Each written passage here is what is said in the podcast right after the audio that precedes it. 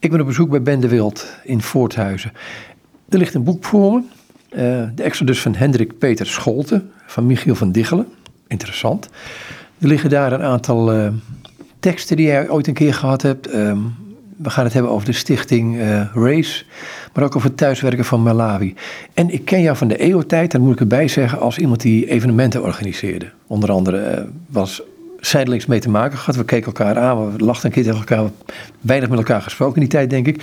Um, en net voor dit gesprek hebben we met elkaar gebeden. En toen zei je, het gaat niet om mij. Ging het zo vaak om jou dan? Onbewust wel, ja. ja. Omdat je, uh, vooral in het evenement organiseren, uh, ben je altijd bezig om de puntjes op de i te zetten en de klant tevreden te maken. Maar uiteindelijk, um, je was nooit tevreden voordat je zelf tevreden was.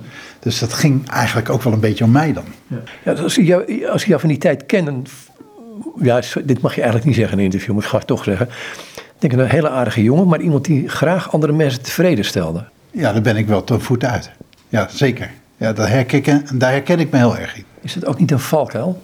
Jazeker, daar ben ik ook wel achter gekomen. Ik, uh, uh, op het moment dat je mensen blijft pleasen, dan kom je op een uh, moment in je leven dat, uh, dat je dat niet, dat bevredigt niet meer. Dat, dat is een bodemloze put. En ehm, daarom ben ik ook wel op een moment in mijn leven gekomen dat dat, dat allemaal niet meer ging. En inmiddels 2,5 jaar, la, drie jaar later, ehm, begin ik weer ehm, er bovenop te kruipen. Dus dat betekent dat ik bijna drie jaar thuis heb gezeten. Burn-out heet zoiets.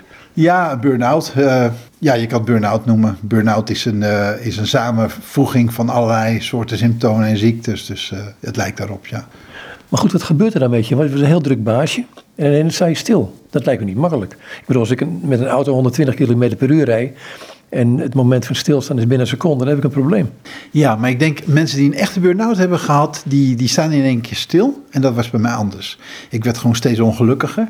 En uiteindelijk kon ik gewoon echt niet meer verder. En op het moment dat ik echt stil kwam te staan, was dat veel meer een opluchting en een bevrijding, dan dat ik niks meer kon. Dus dat is wel een verschil. Vandaar dat ik ook een beetje voorzichtig ben. Ja, wat is nou een burn-out? Burn, voor veel mensen is een burn-out dat je echt niks meer kon. Maar ik kon nog heel veel. Maar zodra ik in de buurt kwam van wat ik ooit gedaan heb... en waar ik me mee bezig hield... ja, dan sloeg ik gewoon op slot. Dan kwam er echt niks meer. Dan verdween alles uit mijn alle kracht uit mijn, uit mijn lijf. Ja, dat kon ik gewoon niet meer. Dus uh, ik heb de afgelopen drie jaar gewoon een proces gehad... dat ik uh, afscheid moest nemen van een, ja, een heel oude leefstijl. Maar er is ook iets nieuws gekomen. Ja, er is uh, wel wat nieuws gekomen. Daar was ik in die tijd al wel mee bezig, maar nooit verwacht dat ik daar zo in op kon gaan. En dat ik uh, dat kon zien als, um, ja, hoe moet je dat zeggen? Een nieuwe opdracht vind ik zo zwaar. Maar iets wel waar ik heel erg sterk het gevoel van heb dat ik dat moet gaan doen. Ja, en dat is uh, mijn werk bij Stichting Race. Ik heb mijn bedrijf op afstand moeten zetten. Daar sta ik ook heel erg achter. En ben bij Stichting Race betrokken geraakt. Een, een, een boerderij in het armste gedeelte in Malawi. Sowieso is Malawi het armste plekje van Zuidelijk Afrika. Maar uh, het is een, een boerderij die, die we in een stichting hebben zitten. En die hebben we overgenomen van een boer die financieel onderuit is gegaan en daar niet langer voor kon zorgen. En wat, wat doe je daar verder mee, die Stichting Race? Wat, wat, wat doen zij precies? Ja, Stichting Race is opgericht om die boerderij zeg maar, te besturen vanuit Nederland. Wij besturen vanuit Nederland hoofdzakelijk en zorgen voor fondswerving. En een, een groot netwerk en mensen met gouden handen die daar hun schouders onder kunnen zetten. Binnenkort gaan we dus ook een, een, een, directeur uitzenden. Maar de stichting en de, en de boerderij staan eigenlijk. De missie daarvan is: wij willen mini-economie gaan creëren in het armste stukje van Zuidelijk Afrika. Dat doen we door een macadamia-boomgaard. Dus we planten elk jaar 5000 macadamia-bomen. En van de, de winst die wij maken in het landbouwproject, macadamia-bomen, 495 hectare grond waar we ook met 850 gezinnen soja en mais verbouwen. En met de winst daarvan bouwen wij weeshuizen, uh, scholen, minikliniek. En op de afgelopen zeven jaar hebben we dus drie weeshuizen mogen bouwen en twee scholen. Oh, dus dit is wat anders dan een boerderij met 100 koeien. Het is leuk. Uh, we hadden 100 koeien. maar uh, daar zijn we mee gestopt omdat wij uh, dat te risicovol vonden in die omgeving. We hebben nu 100 geiten. Maar dat zijn eigenlijk veel meer melk- en vleesgeiten. Maar wat wij gewoon willen is de grootste werkgever en het grootste getuigenis van de omgeving willen zijn. Dus de werkgever, omdat we eh, heel veel mensen aan het werk helpen. Uh, er werken nu constant zo'n ruim 2000 mensen op de boerderij. Maar wij willen voorleven en wij willen heel duidelijk laten zien hoe wij een ander leven kunnen uh, brengen. Door rust, door voorspoed. Dus niet, dat vind ik een hele enge om te zeggen. Mhm. Want wij, wij, wij, wij willen geen voorspoed brengen zonder Jezus. Maar we willen wel zorgen dat mensen in hun levensonderhoud kunnen voorzien. Dan is het nu, hè, er zijn lockdowns in, in allerlei landen gekomen. Ik dacht in Malawi ook. Hoe, hoe werkt het daar? Want ik bedoel, daar komt het eten van het land. Ik bedoel, een dag niet gewerkt is een dag niet eten. Ja, dat klopt. Maar gelukkig is het land groot genoeg, dus je kan uh, in een lockdown op het land werken, mm zonder dat je heel veel mensen tegenkomt. We moeten wel degelijk rekening houden met die lockdown en uh, met de samenscholing van mensen. Wat wij wel merken is dat in Malawi relatief weinig corona is.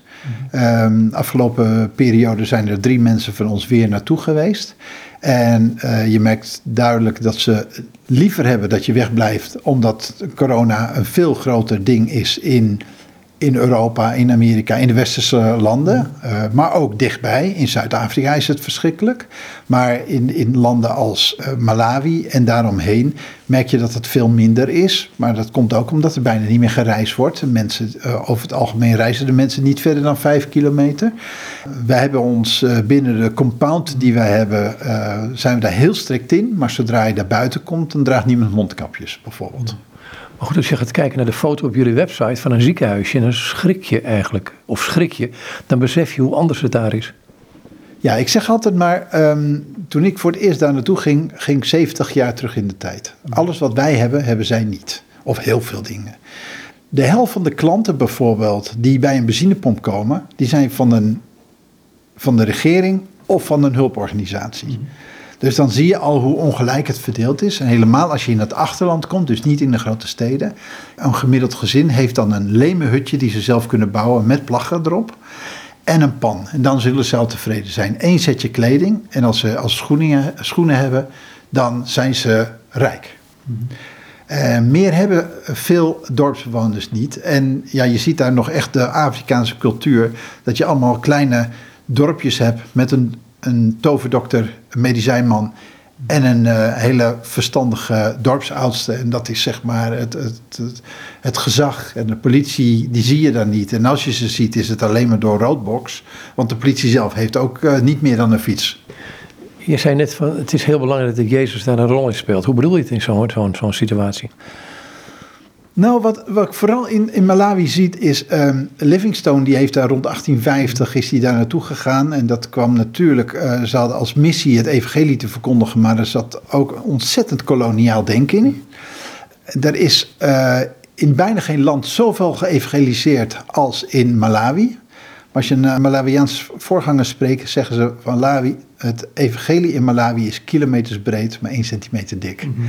En dat zie je, dat het evangelie wat daar is, als je het evangelie tegenkomt, veelvuldig is doordrongen van bijgeloof. Van gewoon tradities. En wat wij eigenlijk willen is, en dat willen natuurlijk heel veel organisaties, maar wat wij eigenlijk willen is door middel van de mensen een betere toekomst uh, bieden door werk, willen we ze eigenlijk ook voorleven van wat hoe is God hierbij betrokken? Wat is onze motivatie om naar Malawi af te reizen en onze tijd daarin te steken?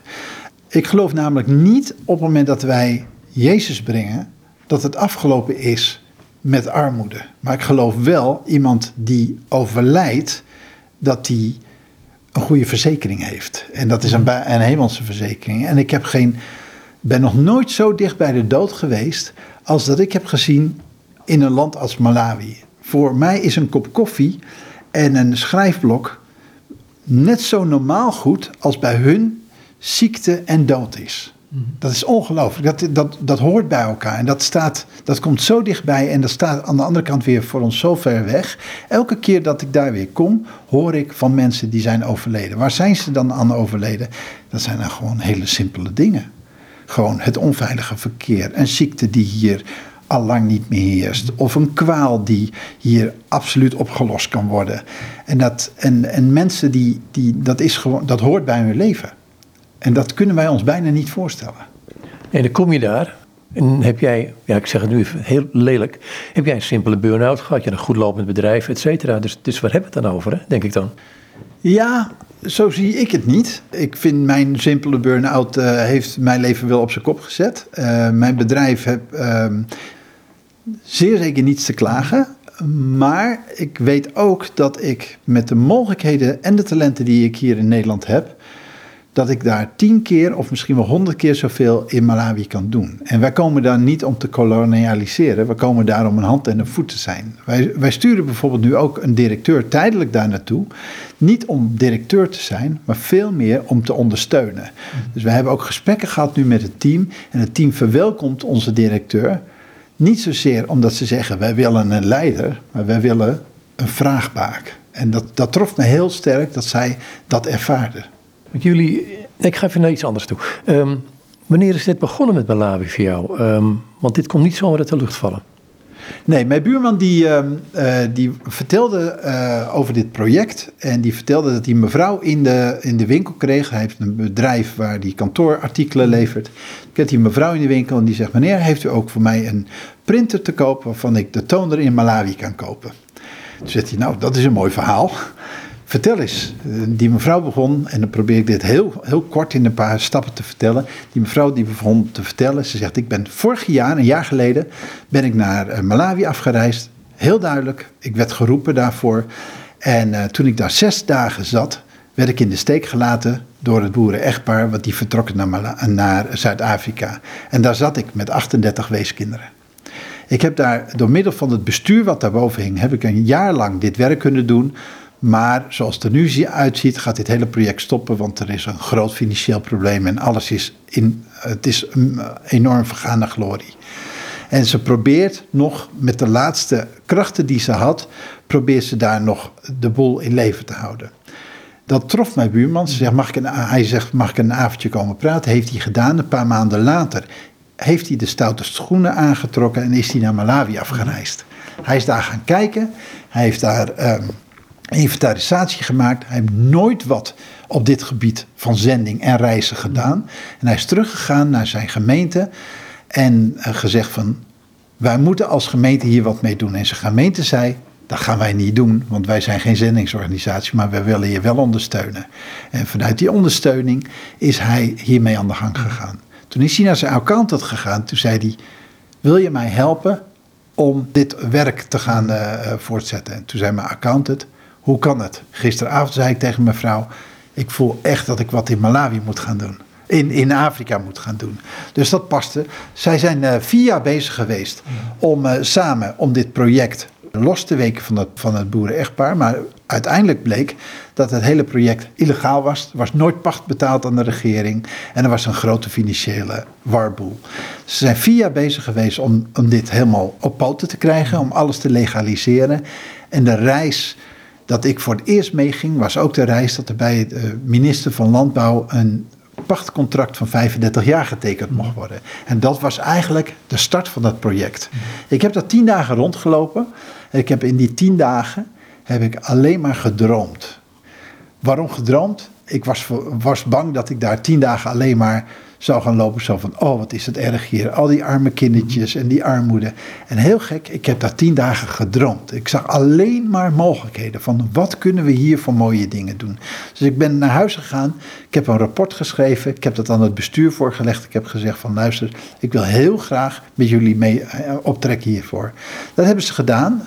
Ik mocht eh, bij het bestuur komen en uiteindelijk vanaf dat moment zijn we fondsen gaan werven om de droom die wij hadden om heel simpel te beginnen, de boerderij die een beetje liep, om die nieuw leven in te blazen. Drie nieuwe weeshuizen te bouwen, omdat wat er stond, dat mocht echt niet meer.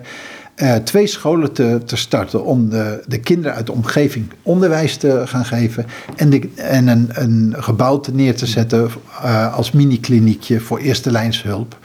Daar hadden we een paar ton voor nodig.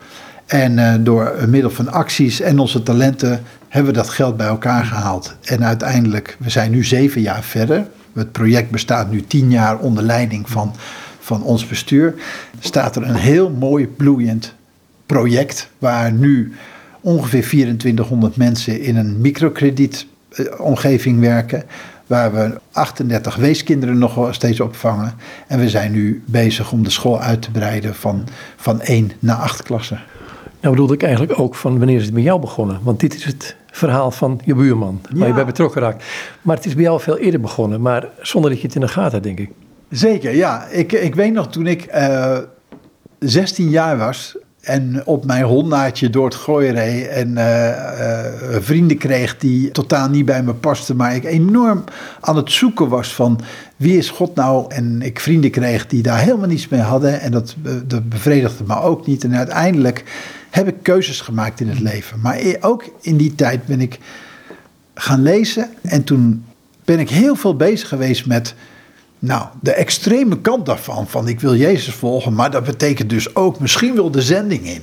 En ik wist niet of dat wat voor mij was. Aan de andere kant had ik zoiets van: dat zou ik wel heel graag willen. Ik zou wel heel graag iets willen gaan doen in de zending. Een paar jaar later werd ik door een, een goede vriend meegenomen naar Azië op tournee met artiesten. En die zegt, ik ga jou het vak leren. Gewoon leren, dienen, maar ook gewoon de, de, de, de zakelijke kant ervan en hoe jij je talenten kan ontwikkelen. Ik kreeg van een andere vriend kreeg ik een bijbeltekst mee toen wij op stap gingen. En dat was Je- Jesaja 55 vers 10 tot 13. En daar staat onder andere, want zoals de regen en de sneeuw van de hemel neerdaalt en daarheen niet weerkeert, maar doorvochtig eerst de aarde en maakt haar vruchtbaar en doet haar uitspruiten en geeft zaad aan de zaaien en brood aan de eten. Alzo zal mijn woord dat uit mijn mond uitgaat ook zijn, het zal niet ledig tot mij wederkeren, maar het zal doen wat mij behaagt en dat vol, volbrengen, waartoe ik het zend. Want in vreugde zult gij uittrekken en in de vrede geleid worden. De bergen en de heuvelen zullen voor u uitbreken in gejuich en alle bomen des velds zullen in de handen klappen. Voor de doornstruik zal een cyprus opschieten, voor de distel zal een mirt opschieten. En het zal de Heere zijn tot een naam, tot een eeuwig teken dat niet uitgeroeid zal worden. Die tekst die kreeg ik en ik had zoiets van, nou ga ik naar Azië, wat moet ik ermee? Dus ik stopte dat eigenlijk in mijn Bijbel en ik kwam terug en ik kon het eh, niet plaatsen en ik was eigenlijk ook een beetje teleurgesteld. Want ik denk van, nou krijg ik van iemand een tekst en ik had gehoopt dat er nou een wereld voor me open ging. Dus ik stopte dat in mijn Bijbel en heel mooi, de Bijbel raakte in de, in, in de kast. Ik kreeg ondertussen een andere Bijbel waar ik eh, eh, veel uit las. En eh, 27 jaar later zei ik tegen mijn buurman: Kan ik niet een keertje mee naar Malawi? Toen ik naar Malawi ging en thuis kwam, pakte ik om een of andere reden weer die Bijbel. En eh, die tekst die kwam me direct uit. En toen had ik zoiets van: Nou, dit is raar. Op dat moment wist ik dat die tekst gewoon paste. En toen heb ik de foto's gepakt die ik gemaakt had. En het hele project en de foto's die ik maakte, die pasten precies bij deze tekst. Dus, en ik ben daar eigenlijk naartoe gegaan zo van, ook met een zoektocht in mijn leven van, ik wil wat anders en wat moet ik? En die, posten, en die, die foto's die, die pasten zo bij die tekst dat ik gewoon ongelooflijk geraakt werd. Ik denk van, die moet ik bewaren. Hier, gaan we, hier moeten we wat mee doen. Maar ik had in die tijd eigenlijk ook een beetje beloofd aan de Heere God. Heer, ik wil u best volgen en ik wil best zending in. Maar eigenlijk wil ik mijn ouders niet in de steek laten. Nou was mijn moeder twintig jaar daarvoor overleden. Maar zes weken nadat ik terugkwam uit Malawi overleed mijn vader, heel onverwachts. En ik was net zoiets van, nou begint er een nieuwe periode in jouw leven. En dat vond ik heel heftig. Dus ik ben uh, gaan kijken en uh, rond gaan kijken. En uh, ja, ik voelde echt dat ik uh, met dit project verder moest. We zitten nu, je zei net, je werkt in een even, evenementenbranche onder andere. Nou, die ligt nu redelijk gestrekt uh, op de grond. Uh, kan weinig mee gebeuren vanwege corona. Of misschien moet ik wel zeggen vanwege het beleid rond corona. Um, hoe ga je daarmee om? Want je bent nog steeds, je bent wel uit het bedrijf, maar je bent nog steeds een deel van op een bepaalde manier. Nou, ehm, dat is heel moeilijk eigenlijk. Uh, ik hinkel op twee benen, op twee gevoelens. Ehm, dat ik uh, vanuit mijn situatie die ik afgelopen drie jaar heb meegemaakt, dat ik wat anders ga doen, past. Mhm. Uh, maar je hebt wel in 31 jaar wel een mooi bedrijf opgebouwd. Wat je um, in deze maanden draaien wij gemiddeld ongeveer 5% omzet van wat wij afgelopen periode gewend waren. Uh, mijn zoon die zou het bedrijf overnemen. Dat doet hij nu ook. Maar dat doet hij nu in zijn eentje in plaats van met zes, zeven man vast. Ik heb daar verdriet van. Het verdriet zit hem hoofdzakelijk. Ik had hem iets moois gegund. Aan de andere kant denk ik ook, nou kan hij het ook zelf opbouwen straks. Maar aan de andere kant, het is wel verdrietig. Want uh, alles waar hij van gedroomd heeft, zakt of glijdt tussen zijn vingers weg. Ik zie ook dat, uh, dat mijn vrouw daar moeite mee heeft. Om, aan de andere kant zie ik dat het mij oplucht. Ik heb dit 31 jaar gedaan. En ik heb alles gedaan wat, waar ik van droomde. Maar ik kwam ook op een, uh, op een punt dat ik dacht van... ik moet wat anders. Er, er ligt wat anders voor mij in het geschied. Nou, dat zeg ik niet eerlijk. Er ligt niet wat anders voor mij in geschied. Want ik ben jaren op zoek geweest naar iets... En nu achteraf zeg ik, er lag wat anders voor mij in het geschied. Maar het doet wel pijn als ik de ene kant denk van mijn zoon die zou het bedrijf overnemen en kijk wat er van over is. Ondanks dat hij de talenten, de materialen en de klanten ervoor heeft. Maar het werk en de mogelijkheden zijn er niet voor. Zijn dit dingen die je bewust los moet laten of laat ik het anders zeggen in Gods handen moet leggen? Ja, ik denk vooral deze periode moet je heel veel in Gods handen leggen. Ik weet nog dat een krant mij belde. Maar anders niet? Ja, maar je bent heel snel geneigd om in de flow van het leven en als het financieel makkelijk gaat, om je eigen invulling daarin te geven. En er is, denk ik, niets, of er zijn maar weinig dingen in het leven die je zo naar God doen trekken dan op het moment dat onzekerheden in je leven komen. Terwijl er misschien wel niets anders is dan onzekerheid in het leven.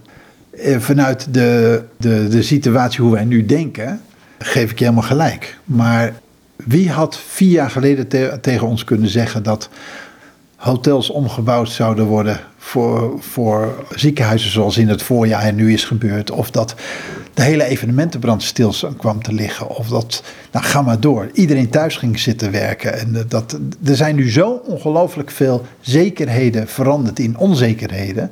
Dat de afgelopen jaren heb ik toch wel heel erg gedacht van dit zijn wij gewend. Dit doen we eigenlijk al 80 of 90 jaar zo. En dat kan alleen maar meer. Misschien kan het af en toe eens wat minder, maar dat komt dan weer terug. En nu zit je in de situatie waarvan je denkt van zoiets simpels, ja, ik wil het niet bagatelliseren, maar al, als een virus kan, kan de hele wereld ontwrichten. Ja, dat denk ik ook, maar ik denk ook meer zoals de mensen ermee omgaan hoor. Maar goed, het is mijn gedachte. Um, ik ga naar iets anders toe. Hè. Door die hele coronatoestand nu in Nederland zijn we verplicht om meer thuis te werken, meer thuis te zijn. En dat triggerde bij jou een gedachte volgens mij van uh, als we toch thuis zijn, kunnen we ook thuis voor Malawi doen. Ja, dat klopt. Je gaat natuurlijk als organisatie ook kijken van ja, je, je moet heel moeilijk kan je mensen uh, bereiken. Eén op één, zeg maar. En een van onze bestuursleden zei van ik heb een idee thuiswerken voor Malawi. Wij zitten allemaal thuis te werken voor je baas. En veel mensen denken ook, ik word er wel helemaal gek van. Ik zit hier gewoon thuis te werken. Maar het viel mij ook op, in tegenstelling tot... Ik heb mijn bedrijf, zeg maar, bijna onderuit zien gaan. Dat staat nu, zeg maar, ehm, op het bekende waakvlammetje. Brandt dat lekker verder. En hopelijk komt die ontsteken weer voor mijn zoon. Maar ik zie ook veel bedrijven die gewoon doorwerken. En die hebben hoofdzakelijk hebben die thuiswerkplekken moeten creëren. En het personeel blijft thuis, maar het werk blijft komen. En het werk wordt gedaan. En toen hadden we zoiets van. Mensen kunnen ook wat ontevreden zijn. En mensen zijn ook zoek, op zoek naar wat kan ik betekenen voor iemand anders. Toen zeiden we thuiswerken voor Malawi. Is dat niet iets? Eigenlijk zijn we toen een campagne gestart, twee weken geleden. Om te op te roepen naar medewerkers, werkgevers uh, ook om te vragen van, zou jij een uur van je tijd willen besteden aan Malawi? Dus op het moment dat jij 12, ik zeg maar wat, 12,50 euro per uur verdient en je zou één uur werken voor dit project, zou je, zou je één kind een maand lang, inclusief maaltijd, naar school kunnen brengen. Nou, er zijn natuurlijk veel grotere, hogere uurtarieven. En zo kunnen we een, eh, een, een project uh, die wij in gedachten hebben, een school in Malawi, kunnen wij op de kaart gaan zetten. En zo kwamen wij aan de website Thuiswerken voor Malawi. En uh, nou, dat is een hele mooie actie geworden. Ja, wat gebeurt er mee op dit moment? Dus je kunt thuiswerken, je kunt een deel van je, je zegt een uursalaris kun je doneren. Um, je noemt een hele lage uursalarissen, want er zijn er wel die wat meer verdienen, toch? Maar je gaat naar de website, de website is? De website is www.thuiswerkenvoormalawi. En wat daar nu mee gebeurd is, nou, ik geef een paar voorbeelden. Er is een, eh, een bedrijf die zegt van dit vinden we gaaf, wij werken thuis en wij sponsoren een hele klas. Nou, een hele klas is een heel jaar lang alle maaltijden voor die kinderen. Eén maaltijd wel voor, per dag. Ze komen zonder eten op school. En een, een, een jaar lang alle kosten betalen voor 30 leerlingen. Dat is 4500 euro. Dus er was een bedrijf die zegt, dat gaan wij doen voor een paar jaar. Maar er was ook een echtpaar die zegt van, weet je wat, ons uurtarief komt overeen met twee leerlingen. Dus wij gaan twee leerlingen sponsoren. Er waren ook mensen die zeiden van, ik doe eenmalig, doe ik bijvoorbeeld 25 of 100 euro, wat zou kunnen missen. Omdat ik, uh, ik zit thuis te werken. Maar ook mensen die niet thuis kunnen uh, zitten te werken, die kunnen hier aan meedoen. Het is veel meer dat onze gedachte zo van, wij zitten nu veelvuldig thuis te werken. Wat kunnen wij doen voor een school als dit? Dat heeft je hart helemaal als ik jou een beetje bekijk. Ja, het heeft me hart ontzettend, omdat ik nu in de reizen die ik gemaakt heb, kan zien. Kijk, op het moment, even een zijwegje. Op het moment dat je evenementen organiseert, ben je dus altijd bezig aan het dienen, aan het pleasen en aan iets moois opbouwen. En kijken wat is de uitwerking daarvan. Nou, wat één ding wat heel moeilijk bevredigt, is dat je eh, bij een evenement is het de volgende dag voorbij. Dan zit je alleen nog met een goed gevoel. Met een, eh, een goed gevoel. En daarna kan je weer opnieuw beginnen. Daar hou ik ook van, om steeds nieuwe dingen te organiseren. Maar aan de andere kant, het is steeds weg. In mijn gevoel was het, in, in, in mijn beleving was het dat je een tweede dimensie had. Dat je dacht van, ik hoop dat wat wij hebben kunnen doen en, en dat het blijft hangen. En vooral de inhoud dat het mensen verandert. Toen ik in Malawi aan de gang ging, kon ik zien wat wij met onze talenten, met ons geld en met onze mogelijkheden een enorme grote stap kunnen maken. Ik bedoel, met je geld, iemand verdient 75 cent per dag daar. En dan heeft hij een goed salaris en dan kan die rondkomen en dan kan die eten komen. Moet je kijken wat, hoe weinig geld dat is. Met onze talenten kunnen we ze voorleven hoe je op een klein stukje grond veel meer oogst kan verbouwen. Nou, zo zijn er tal van mogelijkheden om een land als Malawi vooruit te helpen. En dan gaat het voornamelijk om de mensen waar je mee te maken hebt. Het gaat wel. Een land, een land vind ik vaak een abstracte term, maar ik vind als, als ik mensen een gezicht zie hebben, dan eh, wordt het bij mij anders. Ja, dat wordt zeker. En je moet het ook heel erg verkleinen. Mhm. Onze rit vanaf het vliegveld daar naar het project is ongeveer vijf en een half uur reizen. Je komt dus niks anders dan ellende tegen. Echt ongelooflijk. Vanuit je westerse bril, als je, je, je gaat daar in de stad, ga je boodschappen doen naar de supermarkt, omdat je weet, de eerste aankomende 5,500 kilometer heb je geen supermarkt meer. Mhm. Dus wat ga je dan doen? Ga je boodschappen doen. Je stapt uit, je bent blank en de misvormde mensen die kruipen op je af omdat die ooit polio hebben gehad. Nou, dat is het eerste aanblik bijvoorbeeld al. Nou, zo zie je onderweg heel veel armoede, ziektes en, en dingen die niet kloppen.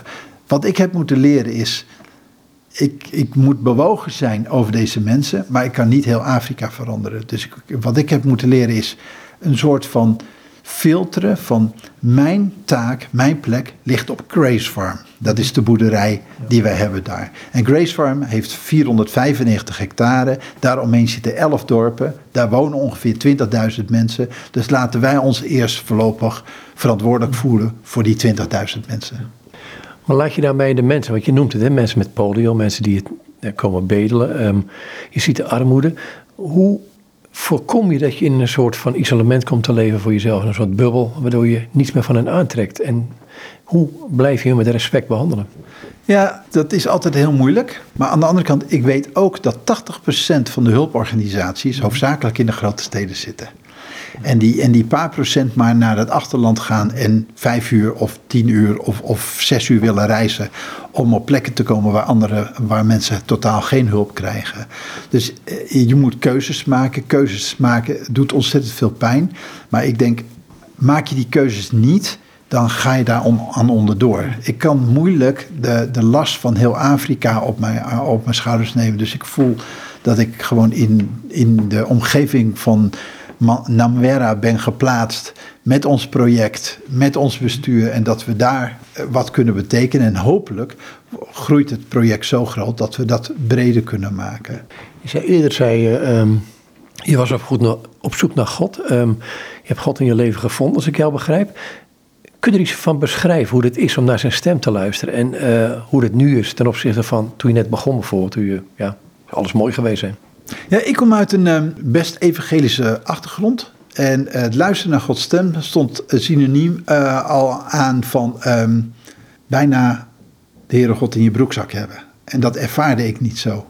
En het moeilijkste van het geloof vind ik naar Gods stem luisteren. Want waar moet je naar luisteren? En dat vond ik, dat, dat heb ik altijd moeilijk gevonden. En ik moet wel zeggen dat ik daarin ben gaan berusten. Ja, je bent nu een, een, een 30, 40 jaar verder. Wat ik wel heb geleerd is naar zijn rust luisteren. Op het moment dat ik in de rust kom, of ik heb ergens geen onrust of juist rust over, geeft dat mij makkelijker een beslissing en vanuit de kennis, vanuit Gods woord. Maar aan de andere kant, wat wij bijvoorbeeld in onze evangelische hoek heel erg missen, is dat wij gaan raadplegen, dat is zelfs bijbels, mhm. bij de wijzen en bij de ouderen uit je gemeente. Ik heb dat echt geleerd, om mensen om me heen te krijgen waar ik, waar ik raad van kan krijgen. En die mix van bidden, raad vragen, rust zoeken en Gods woord uh, lezen, die mix maakt het voor mij makkelijker om een beslissing te nemen dan dat ik vroeger was, uh, bad, Heere God, wilt u laten zien wat ik moet doen. Ja, ik, een half jaar later keek ik achterom en dacht ik, ja, wat moet ik doen? En in die tijd moest ik gewoon aan de gang gaan. Uiteindelijk leer je op den duur wel de rust te krijgen dat je gaat, Gods stem gaat verstaan door je leven met God, maar vooral door de, je beslissingen te nemen in alle rust. Maar ook de wijsheid die je door, je door de jaren heen opbouwt. Maar goed, hoe is het proces geweest? Want uh, kijk, je kunt, het is één ding om te zeggen van, uh, je gaat bidden. Je mag uitleggen wat het is hoor trouwens. Ik heb het idee, uh, als ik zelf naar mezelf kijk, dat ik af en toe zit je te bidden en ehm, halverwege het gebed, om het zo maar te zeggen, als je zo kunt zeggen, gaan mijn gedachten alle kanten op. Nou, dan praat je hier, dan spreek je hier tegen een ehm, persoon die best wel ADHD is. Dus herken ik, herken ik heel erg. Eh, je zit te bidden en na een halve minuut ben je alweer ergens, wat, ergens anders mee bezig.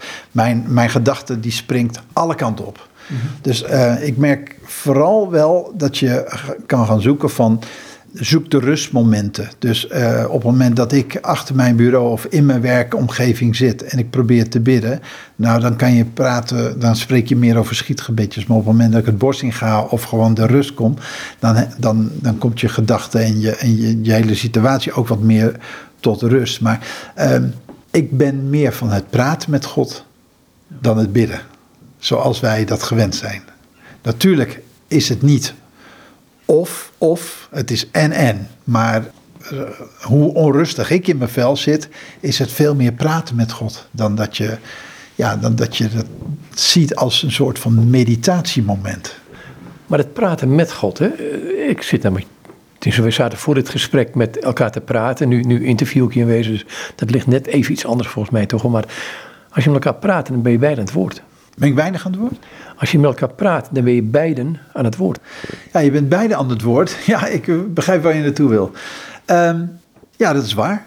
Dat vind ik een hele interessante. Uh, natuurlijk, uh, je moet heel erg uitkijken dat je niet een soort van verlanglijst gesprek gaat voeren. Zo van, ik heb dit op mijn hart en ik wil dit en ik zou dat zo graag willen en wilt u bij die zijn. Aan de andere kant, um, ik heb ook wel uh, steeds meer geleerd van om gewoon te vertellen. Dus niet alleen als je voor iemand bidt, dat je zegt van wilt u bij iemand die en die zijn, want ze gaan door een moeilijke tijd. Maar gewoon ook veel meer dat je bezig bent van waarom gaan ze door een moeilijke tijd. Dat je gewoon veel meer vertelt.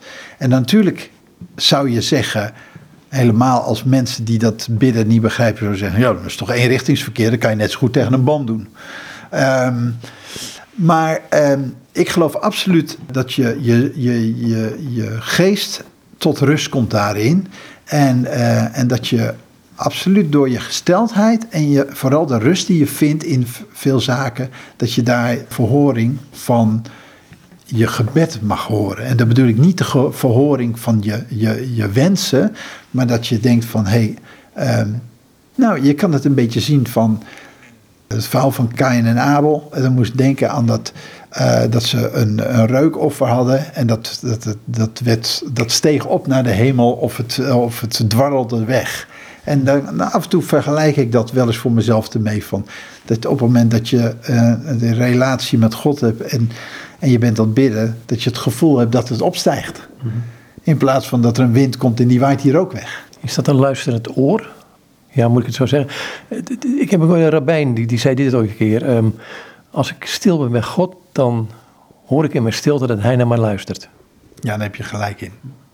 Wat ik er daarop aan kan vullen is de mooiste adviezen die ik van mensen heb gekregen, waren mensen dat ik een uur aan het praten was. En dus hoefden ze maar een paar woorden te zeggen. En dat had ik voldoende de, en de woorden die dan gezegd waren, die hadden zoveel betekenis. En dat waren geen hoeveelheid van, hoeveelheid van woorden, maar dat waren vooral woorden van wijsheid. Er waren er maar een paar. Daar heb je nog genoeg aan. Is het er zo, ik, ik, ik, gis me een beetje nu, ik ben nu gewoon een beetje aan het zoeken. Um, is het er zo dat wij in ons leven, hè, je bent nu in de 50, um, ehm, dat wij dingen opbouwen die we eigenlijk ook weer kwijt moeten raken, of los moeten laten, of in vertrouwen aan God moeten geven, maar ook um, dat we van onszelf we zijn gevormd natuurlijk door, door onze jeugd, door alles wat er gebeurd is. Maar dat je een heel van die dingen dit is afgepeld worden eigenlijk een beetje. Ik geloof in mijn situatie dat het goed was. Mhm. Ik denk dat ik er een mooie mens, mens van word. Want um, toen ik 31 jaar geleden begon, begon ik vol met passie en enthousiasme en zei van heer, alles is van u. Mijn auto is van u, mijn huis is van u, mijn bedrijf is van u. Als je dan 30 jaar uh, verder kijkt, en niet dat je dan nooit terugkijkt, want ik keek veelvuldig terug, uh, merk je toch van dat die auto heel belangrijk is geworden. En de uitstraling van iets anders heel belangrijk is geworden. En te kunnen vertellen naar andere ondernemers van ik heb een mooi bedrijf en ik heb dit en dit en dit of wij doen dit en dit. En um, ik moet zeggen, het doet pijn om dat af te pellen.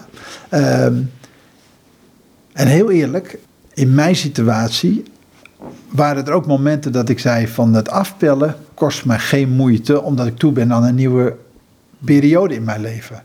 Aan de andere kant, ik verkocht mijn auto Waarom verkocht ik die? Omdat ik denk van, die is gewoon te duur in de situatie waar ik nu in zit. En die gaat eruit. En het, het zal ook absoluut niet goed zijn als ik ten koste van heel veel mijn auto uh, ga blijven rijden. Nou, uh, ik moet zeggen dat dat wel bijna de moeilijkste beslissing is geweest. Is, is er toch zoiets van, je wil zelf de regie in handen houden? Of de controle houden over je leven? Heel sterk, maar dat past ook bij mijn werk. Ik moet de controle houden, ik moet de regie houden. Dat verwachten klanten van mij. En voor je het weet, uh, zit je in de situatie dat je dat in je geestelijk leven ook doet. In het begin van het, van het programma zeiden we, um, zei ik van, er ligt hier ook een boek, De Exodus van Hendrik Peter Scholten. Um, dan zullen mensen die dat goed behoord hebben zich afvragen, waar gaat het in vredesnaam over? Want we hebben het over Malawi, we hebben het over jouw leven, maar dit boek, het is voor het eerst dat ik het zie. Nou, barst maar los.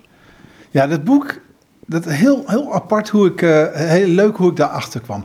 Ik uh, ben al een paar jaar bezig om mijn roots uh, uit te zoeken. Ik woon nu op de Veluwe, kom uit Hilversum. Ik weet dat mijn opa verhuisd is met zijn ouders en het gezin vanuit Putten naar Hilversum. Dus ik had zoiets van, nou, ik, ik ben geïnteresseerd in de, in de geschiedenis. Ik weet dat mijn vader en mijn oom in de oorlog op de fiets naar Putten gingen om aardappels te halen bij familie. Ik weet ook dat mijn familie, uh, die nog in Putten woonde, met de razzia is weggevoerd en niet meer teruggekomen is.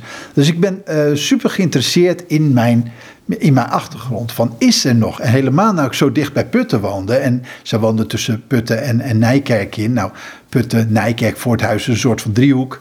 Dus ik ben gaan graven en gaan kijken en steeds meer gaan verdiepen in de, in de, in de geschiedenis van de familie. Dus daar kwam eigenlijk een, een, een soort van primitieve stamboom uit. Ik ben heel eind gekomen.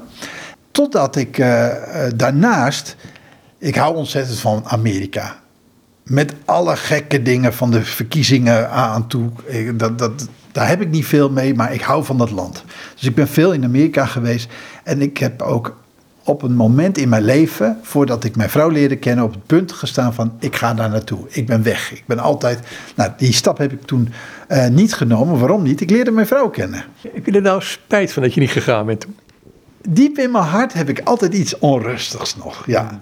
Maar um, het leuke daarvan is, ik heb ook altijd gedroomd van het zou toch gaaf zijn als ik familie in Amerika had. Nou, daar ben ik nooit achter gekomen. Totdat ik in ene uh, ging kijken en ik kwam met die uh, stamboom bezig.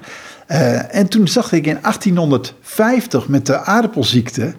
En, en, toen had je ook heel veel, mensen, heel veel christenen die uit de staatskerk, uit de hervormde kerk toen stapten. En dat, dat, dat ging steeds heftiger, want um, omdat ze niet meer bij de gevestigde kerk hoorden, kwam er een soort van plaatselijke hmm. vervolging. Veel mensen werden met de rug aangekeken, werden zelfs de ruiten ingegooid. En toen kwam ik erachter dat in ene, uh, rond die tijd, familie van mijn opa naar Amerika is vertrokken. Ik denk, hé, hey, leuk. Nou, de burgerlijke stand in Amerika is online, dus je kan heel veel uitzoeken. Dus ik kwam in ene erachter dat die familie is verhuisd naar het plaatsje Pela in, in, in Iowa. Dus ik ben gaan graven en graven. En toen kwam ik erachter dat ze ook nog op een boot hadden gezeten met heel veel andere Nederlanders. En toen zag ik zo'n inscheeplijst. En toen bleek dat, dat zij deel uitmaakten uh, van een groep van 700 gelovigen uit Nederland, uit allerlei, die een dominee waren gevolgd. Dus die dominee, die hadden, uh, uh, dominees hadden in die tijd uh, best veel aanzien, veel meer dan nu.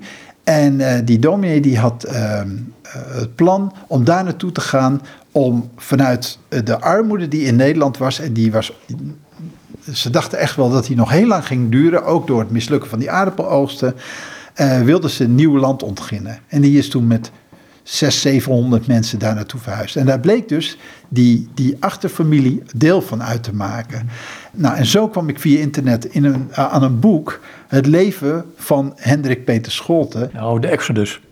Ja, eigenlijk, het is de Exodus, maar het vertelt eigenlijk over zijn leden, uh, leven. En uiteindelijk gaat het boek dus hoe hij dus uh, in Nederland preken verzorgt en dus uh, uit die, die, die kerk is gestapt en dus zijn geloof vrijelijk wilde beleven met, met medegelovigen. En uiteindelijk is hij net zoals uh, Scholten, maar ook uh, uh, andere dominees, naar Amerika vertrokken en hebben ze daar een plaats gesticht. Hoe is het daar verder gegaan? Ik ben gaan kijken en het leuke ervan is, we zijn nu zes generaties verder. Mm -hmm. En heb, ik ben drie weken geleden heb ik een filmpje ge gevonden op YouTube van een meneer De Wild, die daar dus de zesde generatie al zijn en die nog vloeiend Nederlands spreken. Dat was ook heel grappig om te zien. Maar die dominee Schotten, dat is uh, echt een, een, een, een dominee geweest die enorme grote aanhang had. Als, als hij ging spreken in het land, konden maar zo 1000, 1500 man naar zijn, zijn uh, gemeente komen, of naar de gemeentes komen. En uiteindelijk zijn ze daar naartoe gegaan. Er is een, een enorm project, een, een, een land gesticht, zeg maar. En uiteindelijk zag je ook weer die man heeft keihard gewerkt aan een gemeente, maar op het moment dat hij overleed, viel zijn kerk uit elkaar. Mm -hmm. Dat is heel typerend eigenlijk wel voor mensen die enorm hard aan, aan, aan hun, voor hun missie gaan, maar aan de andere kant ook wel weer oogkleppen krijgen en dan uh, heel veel dingen, uh, uh, nou misschien toch wel wat Messiaanse trekjes gaan krijgen. Je een stukje voorlezen in het boek? Gewoon een willekeurig stukje pakken. Even kijken. Zacht neuriënd loopt Hein Scholten de trap af. De hoek om naar de keuken. De Heer is mijn herder. Ik heb al wat mij lust. Gerarde schenkt thee. Ze horen iemand op de trap stommelen. Het is Overkamp. Hij heeft gisteravond tot heel laat bij een, een kaars Scholtes bijdrage van de Reformatie in het net overgeschreven zodat ze naar de drukkerij Hoogkamer in Amsterdam gebracht kunnen worden. Het blad, dat Scholte enkele jaren geleden nog samen met zijn gestorven vriend Van Hal oprichtte, wordt nog steeds enkele malen per jaar gepubliceerd en trekt belangstelling en kritiek van heel kerkelijk Nederland. Nou, um, die, die Scholte was natuurlijk best wel een Einzelganger. En um, hij is een van de, van de stichters van de gereformeerde kerk in Nederland. Uh, uh, het mooie van deze man is Hij had een, een, een missie, en hij, uh, maar ook een visie. En hij uh, was heel recht door zee. En hij wilde, hij wilde gewoon dat die, het geloof in Nederland zonder oplegging van de staat beleden kon worden. En hij was best recht door zee. En je, hebt, je ziet al, wat de, waar de schrijver heel goed gelukt is, dat hij ook zijn karaktertrekjes ging, ging beschrijven. En daar zaten best wel scherpe kanten aan. Aan de andere kant zie ik die enorme drang en, en, en opdracht van hem die hij voor de Hemelsvader heeft. En doe het maar eens na. Vertrek maar eens met 700 mensen naar een land waar je nog nooit bent geweest. Ja, ik zie in een van de laatste hoofdstukken staat Maria huilt veel vandaag. Nou goed, ik weet niet wie Maria was, maar goed, Maria. Maar daarna staat er, ze kan moeilijk loskomen van Nederland. Ik heb het gevoel dat ik nergens meer bij hoor. Dus natuurlijk ook een beetje, als je met 600, 700 man daar zo'n plaatsje sticht, dat is in het begin wel leuk, maar op een gegeven moment dan sterven mensen om je heen. En worden toch weer terugdenken aan het land van je vader, denk ik. Ja, dat, dat zag je ook heel sterk. Aan de andere kant was het in Nederland zo bedroevend dat mensen hebben gekozen voor een beter leven. En dat kregen ze uiteindelijk daar ook. Maar het verhaal van Maria, zijn vrouw, eh, zijn tweede vrouw, zij kwam uit, uh, uit Maastricht en had een katholieke achtergrond. En zij, zij sloten zich aan bij zijn kerk in Utrecht uiteindelijk, omdat ze door zijn preken geraakt werden. Maria zat, uh, kwam uit hele, van goed kom af. En wat Maria heel moeilijk vond is, ze had alleen nog een moeder en een broer en die liet zij achter. Haar zus ging wel mee. En dat heeft absoluut verwijdering gebracht toen zij vertrokken. En uh, ja, dat ging allemaal niet vanzelf. En je ziet daar ook in, Schotten nam de beslissing en zijn vrouw had te volgen. Dus dat zou nu heel anders gaan. Ja, geloof ik zeker. Ik ga nou weer naar jou toe. Um, je hebt dit gelezen, een stuk van je voorgeschiedenis zit erin. Dat lijkt me gewoon heer, heerlijk om, om over te kunnen lezen. Het feit dat er familie van jou in Amerika zit, wel zes generaties terug, maar goed. Ja, ik vind het heel gaaf, omdat je natuurlijk heel veel uh, herkenning ziet. Ik had natuurlijk in die stamboom al heel veel uitgezocht. En mensen die daar zaten. En hoe zit dat in elkaar? En zijn mensen goed terechtgekomen? En je ziet ook uh, grote uh, criminele zaken in die familie voorkomen. Maar ook hele mooie dingen. En je ziet dat, dat die mensen daar nu nog steeds leven. Zelfs gekke is, foto's die je op internet ziet met, met zoveel generaties verder, zie ik gewoon mijn vader in terug uh, in die foto's.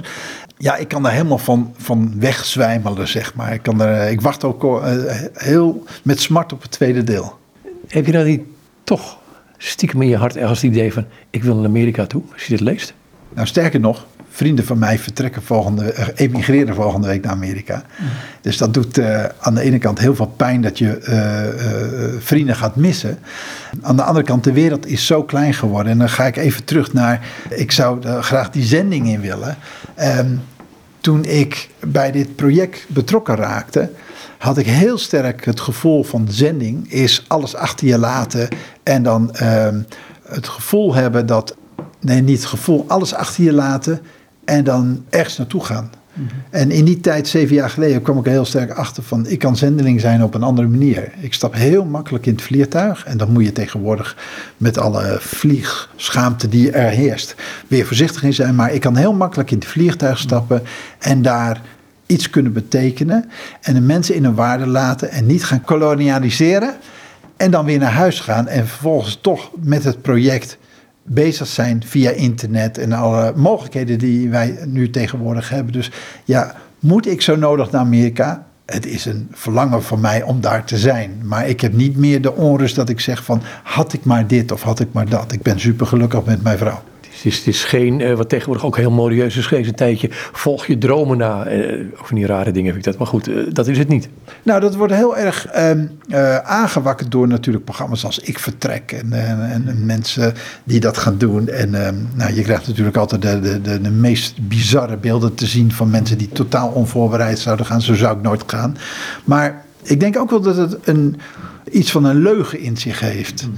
Want volg je dromen na, dat is heel fijn om dat te doen. En op het moment dat je het gevoel hebt dat je in die droom loopt, kan je ook denken van het is maar een droom. En uiteindelijk gaat het erom van wat wil je betekenen en wat wil je nalaten als je hier niet meer bent. En ik denk dat dat heel dicht ligt bij onze zendingsopdracht. Is het dan zo dat je, en ik, ik ga naar, naar het eind van dit gesprek een beetje toe, dat die relatie met Jezus van jou Ehm, je hebt een bijbelschool gevolgd, daar mag ik misschien wel een klein beetje iets over vertellen. Maar is dat toonaangevend voor wat jij bent gaan doen uh, met alle vallen opstaan? En, maar ook in de hele gewone dingen bedoel ik dat. Ja, ik, ik kom uit een familie die, uh, waar het verplicht was op zaterdagmiddag voor de HEMA met je valse gitaar te staan en te evangeliseren. Ik vond het verschrikkelijk. Dus ik heb in die tijd altijd al gezegd van ik wil evangeliseren. Ik wil uh, vertellen over de Heere God. Maar niet op deze manier. Ik schaam me. Een soort plaatsvervangende schaamte kreeg je dan. Ja, ik moet erbij lachen, want... Ik had zo'n sjaal om en ik wist niet, als er iemand langskwam, hoe diep ik in die sjaal moest duiken. Zo schaamde ik ervoor. Maar ik wist heel zeker dat ik me voor de evangelie niet schaamde. Ik, ik schaamde me absoluut voor de vorm die wij toen gekozen hadden. Um, ik ben ook absoluut geraakt door wat de Heere God gedaan heeft voor ons. En daardoor, vanuit die liefde, weet ik ook uh, dat er heel veel mensen die, uh, zijn die dat niet hebben. Wij zitten in moslimomgeving met uh, Grace Farm en Stichting Race. Mm -hmm. En um, het is een hele mooie omgeving om te wonen. het is geen extreme situatie. Je kan met hele mooie mensen praten. En ze zien Jezus alleen als profeet in plaats van als onze verlosser. Maar er, er zijn openingen. En ik vind het heerlijk om voor te leven. Alhoewel ik direct altijd uit moet kijken dat ik daar niet als superieure blanke kom die met een goed gevulde portemonnee en ik kan jullie wel even wat vertellen. Want dat is absoluut niet de bedoeling. Uh, het mooie vind ik, op ons terrein zijn wij ook een, een klein kerkje gestart. Heel klein kerkje. We willen geen kerk zijn, maar we hebben gewoon gemerkt, als we met zoveel medewerkers zitten in moslimgebied, dat er gewoon behoefte is aan een kerk in de omgeving. Dus we hebben samenwerking gezocht daar met de plaatselijke kerk en we hebben een soort van gebedshuis geopend op ons terrein. Nou, 495 hectare is heel groot. Daar passen twee, drie grote dorpen in Nederland in. Dus um, we zijn dat kerkje gestart en heel langzaam zie je dat mensen daar naartoe gaan komen om, vanuit mm. nieuwsgierigheid. Dus het is niet alleen dat wij willen laten zien van kijk, zo doe je landbouw of kijk, zo, uh, zo uh, gaan we proberen we jullie een beter leven te, uh, te, laten leiden. Nee, wij willen gewoon uiteindelijk dat zij Jezus en de Heere God gaan leren kennen. Jullie website? Website is www.thuiswerkenvoormalawi.nl ja, maar die andere waar meer op, op staat? De andere waar het meer over gaat, uh, op staat, daar kan je ook via deze website komen, maar dat is stichtingrace.nl. En dan vind je onze hele organisatie. hey, dankjewel zover. Het was leuk om hier te zijn, dankjewel. En dit zei Ben de Wild. Met hem was ik in gesprek over de Exodus van Hendrik Peter Scholte, een boek van Michiel van Dichelen, bij Olmient. Maar voornamelijk over RACE, een stichting die zich sterk maakt voor de armen in, uh, op een landbouwproject in uh, Malawi. En we hebben het gehad over thuiswerken voor Malawi. Uh, daar kunt u meer op vinden op de website thuiswerkenvoormalawi.nl. Goed, nogmaals, zoals ik al zei, tot zover dit gesprek met Ben de Wild.